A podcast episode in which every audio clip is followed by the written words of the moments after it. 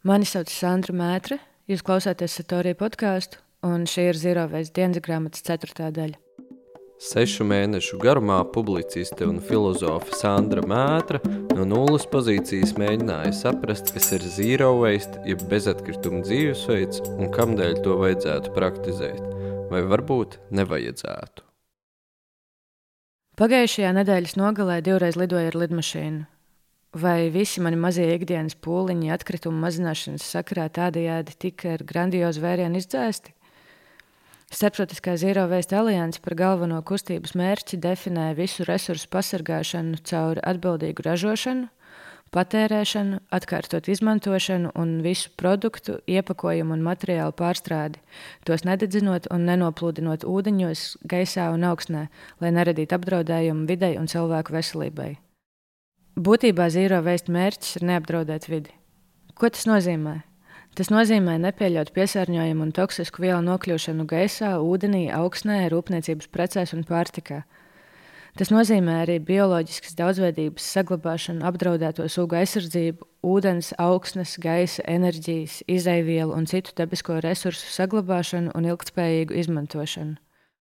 Tas iet roku rokā ar mēģinājumiem ierobežot globālās sasilšanas sekas, jo globālā sasilšana, kuru veicinājis cilvēku radītais piesārņojums un neapdomīga resursu izmantošana, ir draudz gan bioloģiskai daudzveidībai, gan cilvēku populācijai.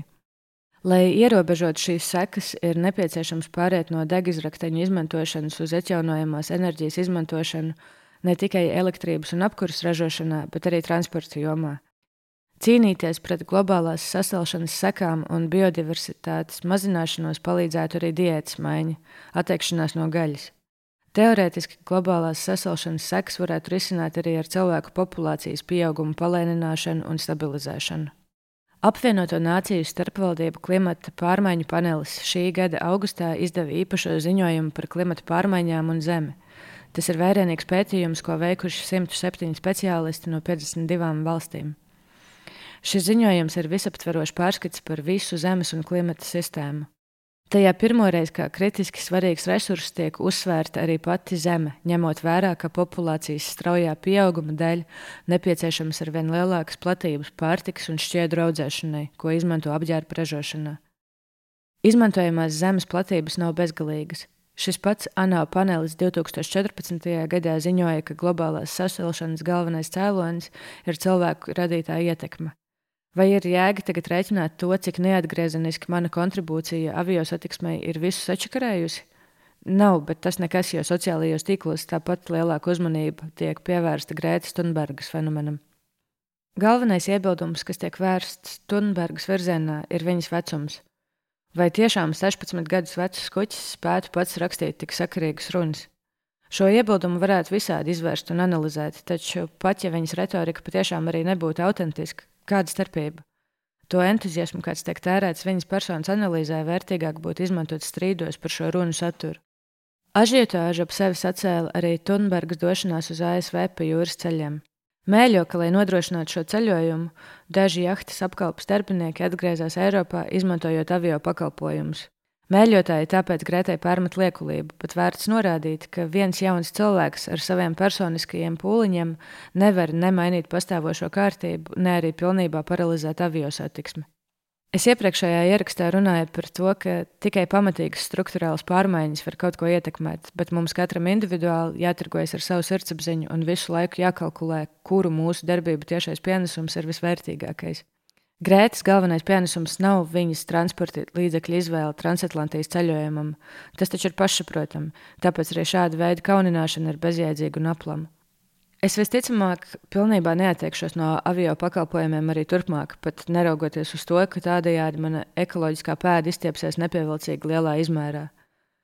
Es to nesaku ar tādu hehe, in your face klimata attieksmi. Es vienkārši zinu, ka nespēšu būt tik pašaizliedzīga, ja vien ārējie faktori paliks tādi paši kā līdz šim. Protams, pastāv iespēja, ka manā prāta garozā notiks kāda tektoniska kustība, radot manī fatālu motivāciju glābt visu, kas glābjams arī tad, ja ārējie apstākļi paliks nemainīgi. Taču pagaidām šāda kustība vēl ar vienu nav notikusi. Šoreiz es lidoju, lai satiktos ar pāris saviem importu draugiem. Mani mazliet aizkustināja mirklis viesnīcas vannas istabā, kad uz izlietnes malas pamanīju divas koka zobu birstas un tikai vienu no plastmasas. Redzētais man pēcāk lika šajā kompānijā izvērst sarunu par zīro veidu dzīvesveidu. Plasmas zobbirsts īpašnieks bija visnotaļ skeptisks par pēkšņo sabiedrības nosodījumu. Lai arī šo attieksmi saprotu tikai daļēji, es varu asociēties ar aizkaitinājumu, kas rodas, kad atkal pasniedz dzērienu ar salmeņu no kāda vidē draudzīgāka materiāla. Varētu taču pirms tam pajautāt, vai es vispār gribu šāmeņu, jeb kādu.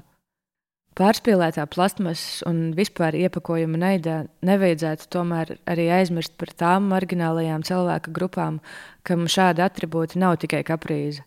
Ir muļķīgi noliegt plasmasas salmiņu pārākumu par tā alternatīvo materiālu brāļiem gadījumos, kad cilvēkam ir motoro vai sensoro funkciju traucējumi. Tāpat arī jau sagrieztos dārzeņus un augļus veikalos nevienmēr iegādājas tikai slīmestu un slaisti.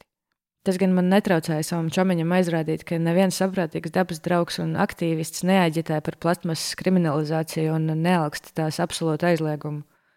Šī saruna man darīja mazliet skumju, it kā nepatīkamā viedokļa berza būtu neizbēgama, it kā mēs vispār nemācētu nejusties apdraudēti un nemācētu nesaskatīt uzbrukumus, karavīgu radikālismu un domu policiju pat situācijās, kurās nekā tāda nav. Šī ieraksta sākumā es citēju Zīro veistu kustības virsmērķi. Varbūt kādam tas šķiet pašsaprotami, taču man savu laiku pa laikam jāatgādina, ka šis mērķis nav viena abstrakta un altruistiska vēlme glābt visu pasauli, kuras apjomu es pat neaptveru. To var skatīt arī kā egoistisku mērķi no cilvēka perspektīvas, vienkārši vēlme dzīvot labklājībā.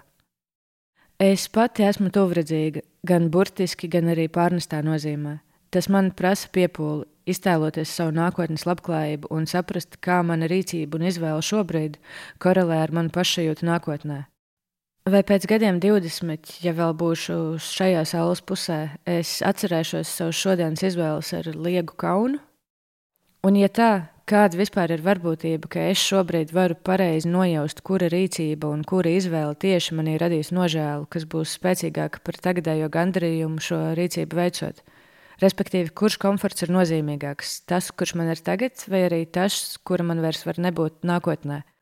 Varu tikai apskaust Grētu, kas šajā ziņā ir daudz vairāk pārliecināta par sevi nekā es.